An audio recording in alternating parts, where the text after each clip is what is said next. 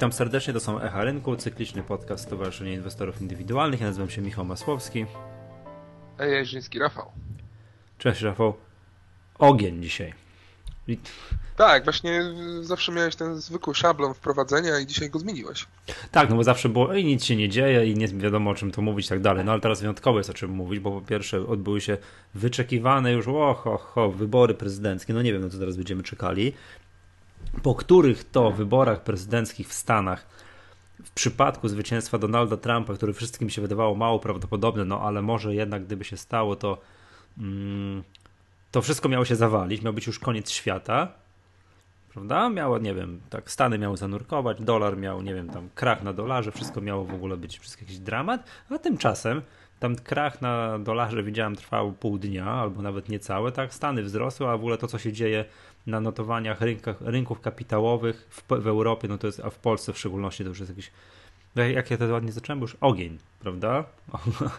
ogień, także, a wszystko nie wiem, mam wrażenie wynika z tego, że Trump tuż po wyborze udzielił, jego pierwsze przemówienie było wyważone, umiarkowane, fajne, prorynkowe, że mają budować wszystko i tak dalej, a nie, że teraz, wiesz, nie, nie koncentrował się na tym, że będą mur stawiać mm, wiesz, na granicy z Meksykiem, bo to byłoby, to, to, na tym by się ludzie koncentrowali. A tak to, bo to też jest pomysł, nie? że to jeden z pomysłów Trumpa. Tak jeszcze a propos wyborów, to, to nie chciałem zwrócić uwagę, to taki może mało giełdowy temat, ale ten system wyborów w Stanach, na przykład głosowanie przez tych elektorów, bo gdyby był system wyboru mm, no, bezpośredniego, głosowanie takie byłoby na prezydenta bezpośrednie, to wygrałaby Clinton, bo zdobyła tam bodajże jakieś 200 czy 300 tysięcy głosów więcej ale przez to, że jest głosowanie przez elektorów i po prostu w stanie, w którym wygrywa ten kandydat, on bierze wszystkich elektorów, no to tak się poukładało, że wygrał Trump. I to jest z tego co kojarzę, to jest nie pierwszy raz w historii. Tak już się zdarzyło przynajmniej wtedy, kiedy mm, Bush z, z Alem Gorem rywalizowali. I wówczas też, to był, pamiętasz, nie wiem, Rafał, czy pamiętasz, jak liczyli te głosy tak pod światło, takie wiesz, patrzyli czy to dobrze, tam chyba przeliczali, nie pamiętam, w którymś stanie przeliczali jeszcze raz, to też, gdyby to były wybory, że bezpośrednio prezydentem zostałby Al Gore, a tak został Bush, bo właśnie wziął gdzieś więcej elektorów. No ale wracając tutaj do tematu, okazało się, że, że strach przynajmniej w krótkim terminie ma wielkie oczy, zobaczymy co to będzie później, bo tak naprawdę przypomnijmy, że Trump zaczyna tam rządzić no nie pamiętam do końca, 20 stycznia, stycznia tak? albo no coś tam w styczniu, 20 któregoś stycznia że na razie jego wszystkie zapowiedzi były wyjątkowo łagodne i rynki się nie przestraszyły. Tak, słońce wstało następnego dnia, Armagedonu nie było, wszystkie wulkany nie wybuchły, można żyć dalej, słońce wstało, wszystko jest ok, prawda? Mhm. No i tak, z rzeczy, które takich bardzo fajnych, najbardziej spektakularnych na polskiej giełdzie to są oczywiście notowania KGHM-u. No i to Rafał chciałem wrócić, no nie to, żeby tutaj drzeć łachać ciebie, no brońcie Panie Boże, do twojego artykułu, w którym skazałeś już na pożarcie dywidendę z KGHM-u to chyba wszystko jest prawdą, wszystko tam, wszystkie te artykuły, wszystkie argumenty przynajmniej jest prawdą, gdy z wyłączeniem tego jednego warunku, że co będzie, gdy nastąpi eksplozja na, na notowaniach miedzi, chyba która właśnie chyba nastąpiła. Yy, tak, no, notowania miedzi eksplodowały totalnie. To jest wzrost z 4600, obecnie mamy 5600. Właśnie, drodzy no. słuchacze, zwróćcie uwagę, że tu uważ- jakiego sformułowania użyliśmy we dwójkę z Rafałem. Notowania miedzi nie wzrosły. Notowania miedzi eksplodowały, prawda? Dokładnie, to jest, to jest według mnie to jest, ja fundamentalnych takich powodów mm, nie widzę tam się za bardzo co do podaży i popytu nic nie zmieniło. Trochę doklejają teraz e, analitycy, że jak Trump zapowiedział bardzo duże inwestycje infrastrukturalnie, to wzrośnie popyt na miedź. No to jest dla mnie taki argument bardzo mocno na siłę, bo po pierwsze e, największym wiadomo konsumentem są Chiny od wielu, wielu lat. W ogóle e, po drugie, wszystkich. Po nie? drugie, każdy prezydent zapowiada w Ameryce, że te inwestycje infrastrukturalne na olbrzymią skalę będą, bo z tego będzie wiele milionów e, nowych miejsc tak, pracy. Popyt, popyt wewnętrzny i tak dalej, i tak dalej. No więc no. widzimy, że to takie tam na siłę, a dalej prognozy mówią, że będzie nadwyżka podaży w przyszłym roku, więc tutaj to jest na siłę. No to, co się wydało, wydarzyło na miedzi, to jest efekt po prostu rynków finansowych, czytaj najprawdopodobniej taki short covering, mm, zamykanie krótkich pozycji, e, do tego dołączyły się po prostu automaty. Niebywale istotna rzecz. Przebiła się linia trendu spadkowego, która trwała od 2011 roku. Pięcioletni trend spadkowy na miedzi, na miedzi tak. pękł i tam było, to było chyba około 500-200 i to wywołało po prostu mega lawinę e, automatów i zamykania krótkich pozycji i to jest ten efekt. Jeśli, kiedy to się uspokoi, już fundamenty, racjonalizm dojdzie do głosu, wydaje mi się, że będziemy mieli do czynienia z większą korektą na miedzi, typową, techniczną, fundamentalną korektą. E, dzisiaj mamy jedną z rekordowych w ogóle luk wzrostowych E, na wykresie miedzi, no to się wszystko oczywiście przekłada na KGHM, no i bardzo prawidłowo, tak, bo wycena KGHM-u to jest pochodna wycena miedzi i innych surowców, a wracając do mojego artykułu, no ja dalej uważam, że nie ma co się spodziewać wysokich dywidend z KGHM-u. Wiadomo, taka jest polityka Skarbu Państwa, że w inny sposób te zyski będą wypłacane, a KGHM ma na tyle no, jakąś może nie super stabilną e, sytuację finansową, że nawet jak więcej zarobią, no to będą musieli, te wydatki inwestycyjne są dość znaczące, że no, na tej dywidendy nie pozostanie wiele miejsca, więc e, podsumowując, akcje KGHM-u mają podstawy, żeby rosnąć, mm, a będą wyższe zyski oczywiście w KGHM-ie, ale nie sądzę, żeby te zyski przełożyły się od razu na dywidendę rzędu, nie wiem, 10-15 zł. No okej, okay, chyba, że mieć urośnie kolejne 50%. No dobra, co by nie było, dzisiaj KGHM 11%, przynajmniej teraz jak nagrywamy, tutaj 10 z hakiem, wczoraj plus 8%, no, no, no kosmos, prawda? Czegoś takiego i przy okazji takim gigantycznym obrocie, tam wczoraj było coś pod 300 milionów obrotów na tej, na miedzi, no, znaczy na KGHM-ie, no to, to jest jak, jak na po Polsce, godzinie, no. po godzinie obrotu już jest połowa tego wczorajszego. No dokładnie, już jest, nie, już jest 134 miliony widzę, tak? Czy bo teraz już jest więcej pewnie parę będą chwil, chwilowo opóźnione notowania. No, no, no, no, no ogień, prawda? No ale to wiadomo, to się nie bierze z niczego, no faktycznie eksplozja kursu miedzi jest, jest niesamowita, także wszyscy otwierają oczy, prawda? Dobra, drugą taką jazdą ogniem strasznym jest yy, wspominane przez aha, KGHM maksimum roczne 91 zł, to w ogóle poziomy dawno nie oglądane w przypadku KGHM-u. Drugą tak, tak, takim wystrzałem w górę jest JSW, które widzę właśnie dzisiaj, maksimum roczne 79,20 kurs plus prawie plus 7%. U, ogień. A Bogdanka co zrobiła? Nawet nie spojrzałem. Nie, plus 2, plus 3 tylko. To skromnie. Jak na dzisiejsze warunki rynkowe, to co się dzisiaj dzieje, to Bogdanka plus 2,5, 3%, no to to jest niezauważalny wzrost. Prawda? To, wiem, że tam chyba jakiś węgiel znowu coś tam przebija, tak, jakieś no. znaczące poziomy.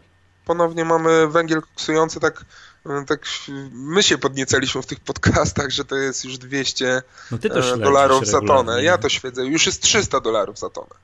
Już, tak? Tak.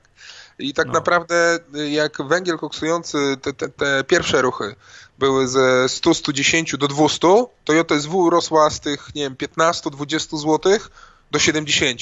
Teraz jak jest z 200 na 300, to rośnie z 70 do 80. To jest taki, to jest takie porównanie. Oczywiście rynek no nie wierzy, że te, że te ceny węgla koksującego z Azji przełożą się na e, ceny sprzedaży JSW. Mm, to co i tak samo z koksującym i z tym energetycznym. Energetyczny tak samo już e, ja mam tutaj dane z, mm, z wczoraj, to już jest po 90 dolarów mm, za tonę. Miesiąc temu było 75. To jest kolejne dobre 20% wzrostu tylko w miesiąc. Mm, więc one, była wypowiedź prezesa JSW jakiś tydzień temu, tydzień, dwa tygodnie temu. On mówi, no rozmawiamy z odbiorcami naszego mhm. węgla przy ustaleniu benchmarków, e, ale no, widzimy, mm, nie możemy podwyższyć tak jak e, ceny w Azji są tego węgla, bo ceny stali nie idą tak szybko. Owszem, są wzrosty ceny stali, ale to nie są rzędu 50-100%. E, huty, produkcja stali, moce produkcyjne, piece i tak dalej to jest gdzieś 80 około procent, jak dobrze kojarzę, zdolności produkcyjnych, więc to nie jest wykorzystanie na maksa, więc kto pokryje, prezes JSW się zapytał, kto pokryje tą różnicę E, dla producentów stali między po prostu zakupem surowca a ceną sprzedaży stali. E, to jest jedna rzecz. Z drugiej strony nikt się nie pytał e, zbytnio o JSW, jak węgiel Ceny spadał na, tak, bardzo mocno, a, a stal aż tak mocno nie spadała, więc tutaj jak najbardziej e, na pewno ten, ten węgiel koksujący pójdzie w górę w kontraktach.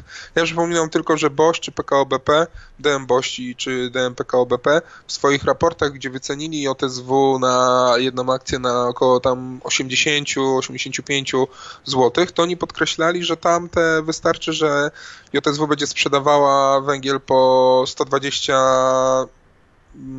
120, 130, max nawet 150. To będzie już około, oni dawali to 85 zł za akcję. A jest po Więc 300. rozgrywka, tak, jest po 300.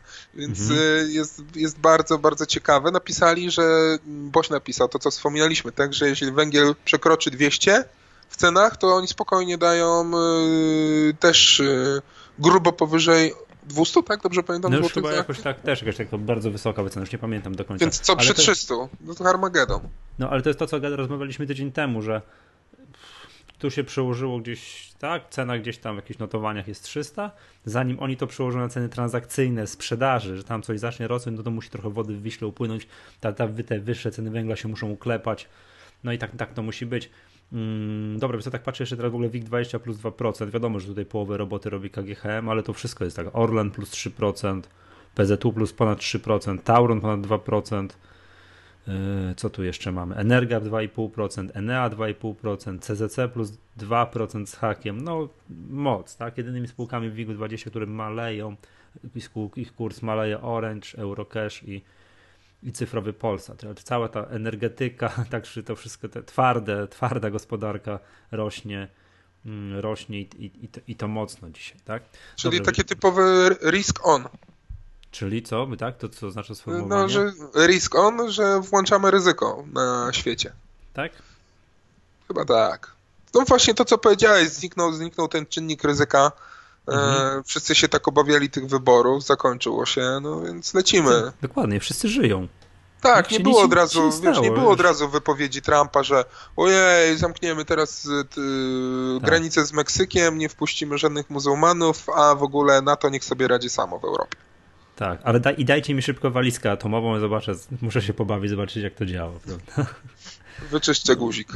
Tak, dobrze, muszę tak przeszlifować guzik. Dobrze, wiesz to z takich rzeczy, których żeśmy tak... A w ogóle KGHM rano wyniki podał. Widziałeś może? Bo ja nawet nie zwróciłem tak, uwagi. Tak, tak, nawet już wczoraj tweetowałem no. e, co do wyników. Dla mnie nadspodziewanie dobrze. No widzisz. Spodziewałem się gorszych. E, dług netto nawet delikatnie spadł. E, zyski, powiedzmy, no dobra, to jest efekta wzrostu wcześniejszych molibdenu i, i, i, i srebra. Mm, bo miedź jeszcze w tych wynikach nie była, wzrost ten miedzi nie był jeszcze uwzględniany aż tak mocno, e, więc to jest ten efekt, e, więc jak najbardziej jest, jest ok. Jeszcze zaraz się okaże, że to Sierra Gorda, wiesz, rozwiążą rezerwy nie, nie. Sierra Gorda. Nie, to się, totalne, nie, to się nie totalne, okaże, rozumiem, tak? Się, nie, mm. znaczy to jeszcze daleko. Sierra Gorda jest tak na takich wielkich minusach. E, ile tam było? 830 milionów złotych straty po trzech kwartałach. No tak, ale to rezerwę, także to, no dobra. Ty, zwracam ci uwagę, że morzejki kiedyś spisały, już zostały spisane na stratę, po czym nagle się okazało, że to jest, wiesz, dochodowy biznes, nie? No to mniej więcej tam jest podobne, no bo wszystko od surowca zależy. Wszystko też to. Dobrze, taki temat, byśmy, bo to mamy naszą portfelową spółkę, czyli HBC Datę, która wczoraj klepnęła wielo, wielo, wieloletnie minimum na poziomie równo 2 zł. Tak, to jest minimum takiego, nie, nie oglądano od 2013 roku. Mm, no a dzisiaj jest plus 6,5%. 2,17 teraz widzę na tak, wykresie. Tak, wyniki... I, I wyniki były kiedy? Wczoraj, wczoraj? Po, po, Przedwczoraj. Przedwczoraj. Mhm. Tak, wczoraj już można był, rynek mógł to no, sobie wyceniać te wyniki abecdaty. I tak naprawdę reakcji rynku wczoraj nie było. Dzisiaj widzimy nagle większą reakcję. Nie no, wczoraj było mm. minimum na poziomie 2 zł. Nie? Ale tak, no bo otwarcie też wczoraj było na całym rynku wieść o wynikach wyborów. Najpierw, no to tak jak już powiedziałeś, dolar też się na początku osłabił i rynek też po minus 2% wszędzie był. Ty, przepraszam cię, a to peso meksykańskie, co to tam kilkanaście procent? Czekasz, spojrzę, co tam się stało. To jest jakiś skrót. MXN, o matko. Bo to też tam jakiś, jakiś Armagedon dział. No, w drugą stronę dzisiaj widzę. Dobra, dobra, wróćmy do ABC daty, to zostawmy Meksykanów Także samych. Mm, były wczoraj także już wyniki i konferencja prasowa. No i powiem szczerze, że tak jak napisałem w newsroomie opisując e, wyniki ABC daty, mi te wyniki, patrząc na spadek kursu, już zapalają naprawdę ładne światełko w tunelu i, i, i, tutaj wydaje mi się, że jest fajny pretekst, żeby w końcu ten trend spadkowy zatrzymać. Powiem więcej, jest, wydaje mi się, że jest pretekst w końcu do odbicia. Mm, dlaczego? Wyniki po pierwsze pokazały wyhamowanie spadku tego trendu, gdzie te zyski no bardzo mocno spadały w dół. Następnie, tak jak napisałem pod koniec newsroomu, są dwa takie czynniki, które powinny, nawet trzy czynniki, które powinny napędzać e, wyniki w kolejnych okresach, czyli przejęcie S4E, spółki z dystrybutora hmm. zyskownego. Dalej współpraca z Xiaomi, takiego giganta smartfonowego chińskiego. Tak, tak, I to tutaj, jest popularne na, na wschodzie. I tutaj przedstawiciele spółki mówią, no co nie przyjedzie e, jakaś partia tego towaru, to po prostu sprzedaje się na pniu. Oni w tydzień sprzedali target sprzedażowy na miesiąc na przykład. E, I e, tak się tym chwalą, już mówią, że rozmawiają o dystrybucji na kolejne kraje, nie, nie tylko na Polskę. Więc to jest mm, fajna rzecz. No i po trzecie, no, spółka zapowiedziała, że no, takim duży, bardzo dużym czynnikiem E, tego, że e, zyski netto i operacyjne spadły w abecedacie, to, były, to był skok kosztów sprzedaży. Te koszty sprzedaży spółka tłumaczyła, że one są ponoszone na rozwój organizacji, szczególnie w, na, na nowych rynkach zagranicznych. E, I tutaj już padła zapowiedź, że te koszty już w tym momencie spadną, że było wiele jednorazowych takich kosztów, które już się nie pokażą. Więc to, to jest trzeci czynnik, który może właśnie fajnie powodować wzrost. Widzimy, że już nie tylko po ABCD, po innych spółkach też, że, te, że ta sprzedaż, e, przychody, przychody rosną. Tu ABC Data może być e, jakimś tam beneficjentem problemów Action, mm, więc, więc e, ten swój kawałek tortu pewnie jakiś tam sobie zgarnie. E, coraz więcej e, ABC Data też robi rzeczy, mm, których takich poza taką typową niskomarżową dystrybucją, czyli tu jest szansa, że, że ta zyskowność średnia z tych usług gdzieś tam pójdzie do góry. No zobaczymy, zobaczymy jak kurs na razie od tych dołków, zobacz, już, 20, już 10% prawie odbił od tych minimów wczorajszych. Mhm, widzę, widzę. Mm, I, i, no, i, no i do przodu. Fajnie, bo takie straty, jakie mamy na tej spółce w portfelu C, no to czas no właśnie chciałem powiedzieć, że jesteśmy zainteresowani tym, mam to w portfelu C i tutaj Rafał bardzo ładnie to robiłeś teorię do tego, że to dobrze by było, żeby już, żeby już, żeby już rosło. Ty byś no bo, kupił? No bo, i nie, nie, nie, nie o to chodzi, no ale wiesz, wiesz jak to jest, jak to jest takie obciążenie psychologiczne, to profesor Zaleszkiewicz u nas na konferencjach Wall Street zawsze mówi, że jak nie masz spółki i patrzysz na nią, to patrzysz o wiele bardziej obiektywnie niż jak ją masz. Jak ją masz, no to zawsze jest tak, że każdy jeden news próbujesz dorobić do tego coś, żeby było, wiesz, żeby to było, to jest pozytywny news. No ale to jest normalne, to musicie, musicie drodzy słuchacze, wziąć to pod uwagę. My to dorabiamy w swoich inwestycjach, a każdy dorabia w swoich inwestycjach prywatnych, że ten, te słabe wyniki to tylko jak ma jakąś spółkę, ona spada, że słabe wyniki tylko jednak w tym jednym kwartale, potem to już będzie rosło i my tak teraz właśnie bardzo pięknie, Rafał, dorobiłeś w ABC dacie, że to chyba, no nie, no chyba to już jest moment przełomowy. No nie, no nie da się ukryć, Nie da się ukryć. Dobrze, e, popatrzmy, co, co jeszcze mam na dzisiaj. Elemental, który też mamy też mamy, już trzeci raz rząd będziemy poruszać, który też mamy w portfelu C, w tym długoterminowym segmencie niedywidendowym. To jest, to jest ten, to jest ten segment, w którym, no mówmy się, ja się nie czuję jak e, ryba w wodzie. No, taki długoterminowy segment, tam, tam czekamy wiele lat, żeby coś tam się wydarzyło. Ale Elemental akurat, no ja to sobie postawiłem za cel 10% rocznie, żeby tam sobie generować. No i dzisiaj... No i, KGHM, no, w jeden strasznie. Dzień, KGHM w jeden dzień taki wynik robi. No, no, taki segment jest w portfelu, muszę się dostosować i próbować tam coś działać. Ale wracając do wyników Elementalu, zgodnie z moimi oczekiwaniami, Na poziomie operacyjnym spółka poprawiła się o te kilkanaście procent. E, idzie ze swoim tym targetem wyniku rocznego, takim moim targetem rocznego. Taki mój target roczny to jest e, zarobienie dla Elementalu około 60 milionów, złoty, milionów e, zysku netto.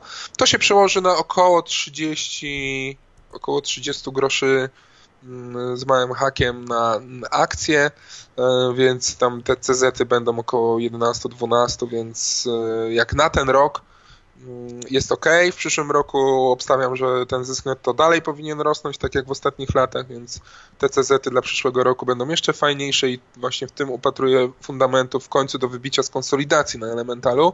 To, to e, więc tutaj... co widać.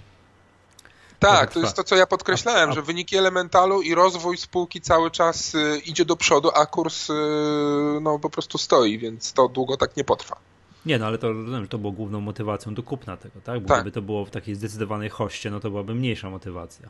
Także, a po, przypomnij, po ile kupiliśmy ten Elemental? 3,64.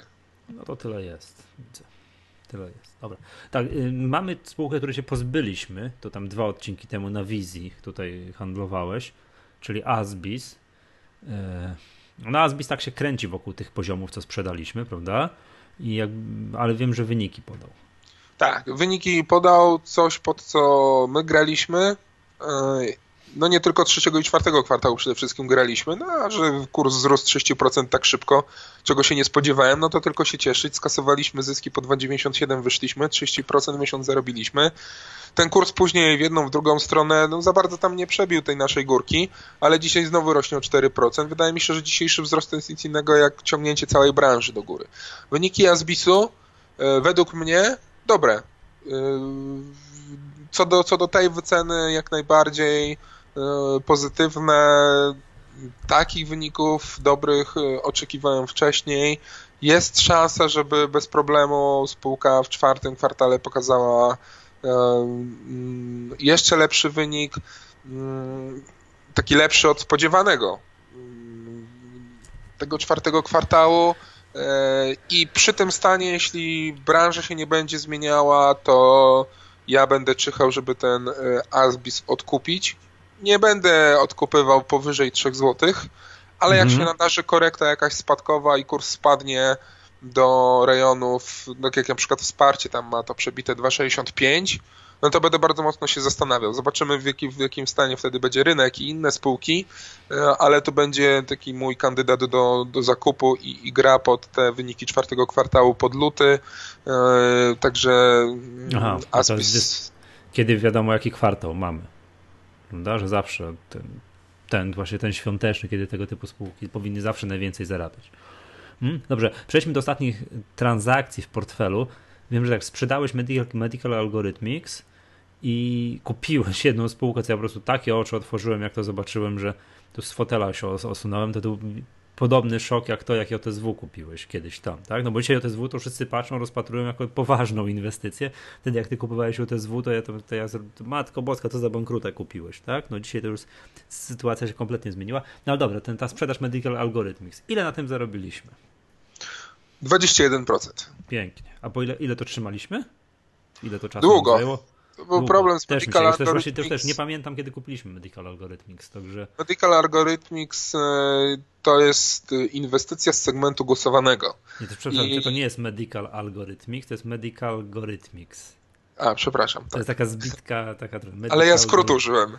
Aha. Nie, ja, ja, sam się złapałem na tym, że właśnie źle wypowiadam nazwy tej spółki. To jest takie, wiesz, to jest zbitka, ale to wiesz, Medical Algorithmics, a nie Medical Algorithmics. Ale dobra, to tak. To jest taka nasza. Nieważne. Z 9 miesięcy dobre to trzymamy. 8-9 miesięcy. I tutaj ja biorę tą inwestycję na swoją klatę, ponieważ e, dlaczego biorę ją na klatę?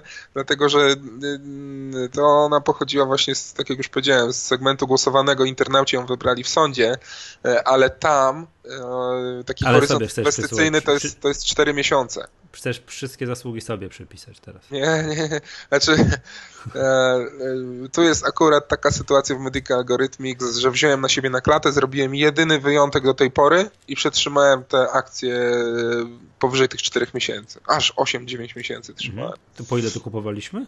246 i 80 Kiedy to było groszy. taka cena? Gdzieś tam czerwiec, widzę, była taka cena. Nie, to było mniej, że tam wcześniej, w maju. Tak, to w Na ogóle takim spadku, takim korekcie, tak? Że tam to prawie stop loss pękł po 195 zł, który mieliśmy, Mhm. byśmy byli minus 25%. E, Nie, gdyby przepraszam, był ten stop loss kiedy kup... w 9 miesięcy, to 11 w lutym. A, to przed taką luką fajną. Tak. To wtedy Je, o, kupowaliśmy. przed luką, jeszcze. Przed tą luką to był ten spadek jeszcze poniżej 200 właśnie. Tak, co ten stop loss nam, nam, nam się trzęsł. No tutaj na tyle tam dobrze spółkę znałem, więc y, w ciemno wierzyłem. Oczywiście ten stop loss, y, on naprawdę został muśnięty mocno, ale zgodnie tutaj z naszymi warunkami no, nie został na stale przełamany i, i go nie uruchomiliśmy. Y, Więc tutaj trzymałem, no i siedziałem na tej spółce długo, aż w końcu ten górny take profit tym razem mm, zadziałał, no i teraz możemy się w końcu cieszyć. No, no, no, no, to jest tutaj. No i tam jeszcze po drodze jakąś bardzo skromną dywidendę zanotowaliśmy, bo to no, No, no płacą poniżej procenta, także, ale coś tam zawsze jakieś gotówki wpadło. I no i właśnie, przejdźmy już może na zakończenie do, do tego zakupu, tak, którego właśnie po, po którym ja spadłem z fotela, jak usłyszałem, co ty kupujesz. W ogóle też w ogóle, muszę wam, drodzy słuchacze, powiedzieć, że Rafał najpierw ogłasza na Twitterze, co kupił, a potem mi mówi. To jest też niezły hit. Ja się z Twittera dowiaduję i ja tam, co, gdzie, ja? No ale to może, może tak powinno być, że najpierw decyzja, strzała, potem chwalenie się, także i uzgadnienie. Dobra, Getting Holding. Getting Holding, czyli tak naprawdę w większości grupa Idea Bank. E, Znienawidzony Leszek Czarnecki przez rynek finansowy, bo tak można No. dojść do takiego wniosku. Ja ci powiem, że ja, tylko- ja prywatnie, wiesz, tak, bez tam uzasadnienia, nie dotykam się niczego, co Leszek Czarnecki mm, ma z tym coś wspólnego. Tak jakoś, nie chciałbym, że się sparzyłem, bo nigdy nie dotykałem, ale jak tak obserwuję kursy, obserwuję różne rzeczy, no to, to ja się po prostu nie dotykam. No ale to mów, co tam znalazłeś w tym Getinie. No tak samo przy JSW chyba byś się nie dotykał rok Wtedy temu. tak. Nie, no to okej. To Dlatego, to powiem ci tak, po tym JSW, jak zarobisz na tym kupę kasy, no to, to, to, to nie, nie robił już aż takich oczu. Nie mówi tak, chłopie, no coś zrobił, przecież gdzie dramat i tak dalej. Nie dlatego po JSW się nauczyłem słuchać. No słucham, słucham. Co, co tam znalazłeś, tak? Czy, w- ja też wiem, co rynek mówi i widzę to, co, to, co tutaj się dzieje. E, No ale tutaj postanowiłem po prostu zaryzykować e, na konkretnych przesłankach, które mam, miałem do tej inwestycji. Jakie były przesłanki? No, kilka było, kilku było, jak zawsze kilka było przesłanek, bo na jednej rzadko opieram te inwestycje. E, Przede wszystkim fundamenty. E, Spółka po prostu poprawiła mocno swoje zyski. Tam trend wzrostowy ładnie trwa, wszystkie takie wskaźniki podstawowe, e, które się używa w bankowości, rosną. E, Został, to jest pierwszy, drugi czynnik, przełamanie trendu spadkowego, który zniósł z 4,50 do 80 groszy ten kurs Getinu, więc zostało przełamane, potwierdzenie przełamania plus fundamenty. Biorę, to w ogóle nie patrzę na nic innego. Zniechęcenie do spółki mi pasuje obecne. E, Więc to trzeci argument był, dla którego taki, taką, taką ryzykowną inwestycję podjąłem. No ale wiesz, kto nie ryzykuje, nie pije szampana, więc e, tutaj jedziemy z koksem. Um, y, no i co? Po złoty Dobra, 7 kupiłem, dzisiaj drodzy- złoty 13. Dro- Drodzy słuchacze, to już jakby wiem, stan rynku oddaje tutaj, widzisz, przełożyło się na Rafała, że on już Rafał, że mam wrażenie, że tak masz, nie? Że już nie akceptujesz czegoś takiego, że ten elementar widziałem, jak tak, tak mówiłeś, no może 10% w skali roku, a w przypadku innych inwestycji, nie no jazda, zapinamy pasy i ciśniemy, tak? Ale to Tutaj- musisz... To ja jakby, jakby charakter rynku powoduje, że to, jest jakby nastawienie, prawda? Że Ale Michał, ja widzę, że ty- szanse. ty No jak fajnie, chyba osiem- fajnie. ty, jak i 80 czy 90 e, osób obserwujących to, co tam się dzieje w portfelu, zapomina o segmentach tego Nie, portfela. nie zapominam, właśnie, ale to też chciałbym, żebyś powiedział, bo sygnalizowałeś mi ostatnio, że chcesz zmienić proporcje tych segmentów. E, tak. No to, mm, najpierw podstawy. Mamy podzielony Mhm. portfel. Segment dywidendowy, długoterminowy, segment głosowany, gdzie internauci sobie głosują w comiesięcznych sądach z horyzontem inwestycyjnym czteromiesięcznym i mój segment własny, gdzie sam tam sobie działam. No i w tym momencie mój segment własny 25% funduszy, 25% głosowany i 50% dywidendowo-długoterminowy. W tym momencie po półtora roku e, mamy takie wyniki, że segment dywidendowy jest około minus 15% na minusie, segment głosowany jest na minus 5%, e, a mój segment jest na plus około 45-50% w tym momencie. To będę musiał brawa dograć.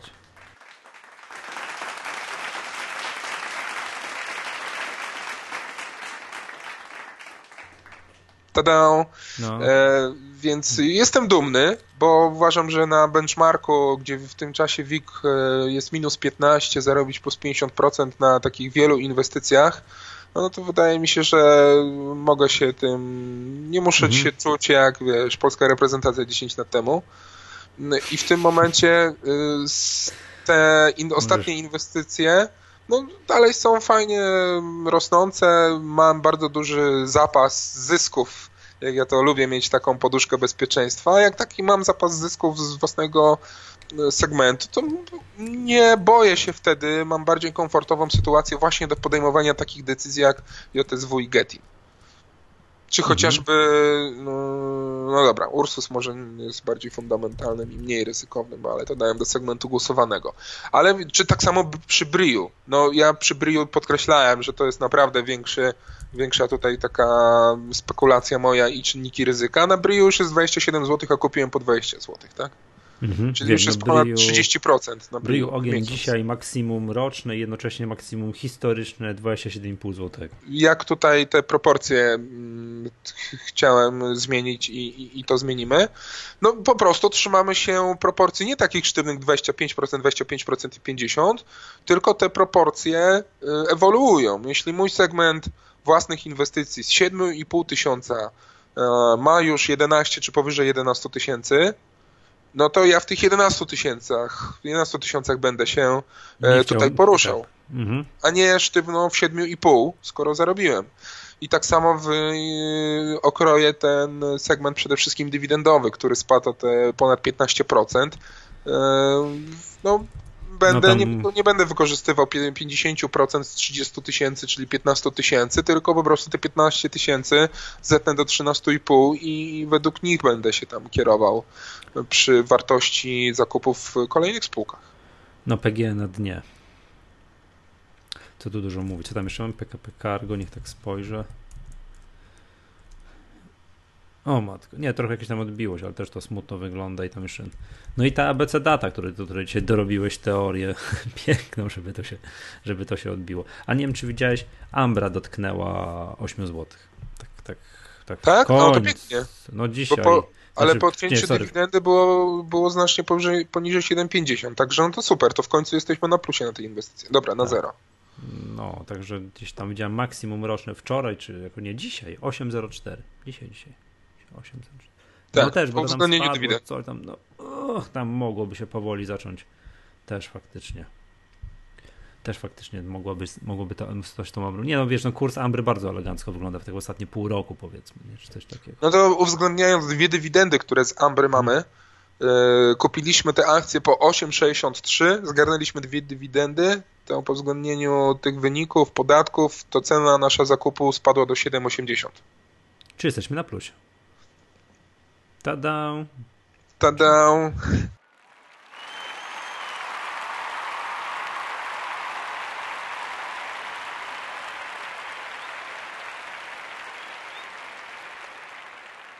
No ale nudy, umówmy się, nudy. No. no, no. Półtora roku siedzieć na spółce i zarobić 2%. No, no, ale dobra. To bardzo fajnie nam tutaj wyszedł potem ten po, po wyborczy odcinek, także okazało się, że nie taki diabeł straszny. No to jeszcze zobaczymy, tak, co się coś tam będzie działo. I no cóż, będzie to, to, to więcej takich inwestycji jak, jak, w ostatnim, jak w ostatnim okresie. Dobrze, drodzy słuchacze. A, tak, jeszcze, jeszcze no, tylko na koniec. No, no. Pięknie zakończymy. Mamy rekordową wycenę portfela C. Ile?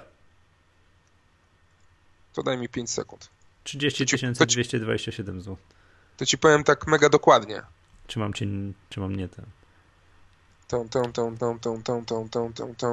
Tak, bo to znaczy przyszły czasy, że mimo tych, tej masakry PGE, PKP Cargo i tak dalej, jesteśmy na plusie. 30 900 zł. Nie no. Spadłeś z krzesła? No w sumie. No, no, no. Dobrze, drodzy słuchacze, jeszcze tradycyjna formułka taka disclaimerowa. To, co my tutaj robimy, to, to jest działalność edukacyjna.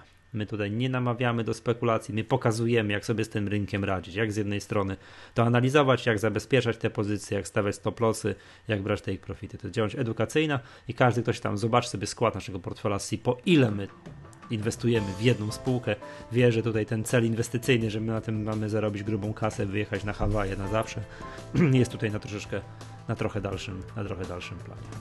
No dobra, to, to co, to dziękuję serdecznie, to był podcast Echa Rynku, nazywam się Michał Masłowski. Iżyński Rafał, pozdrawiam i do usłyszenia. Do usłyszenia.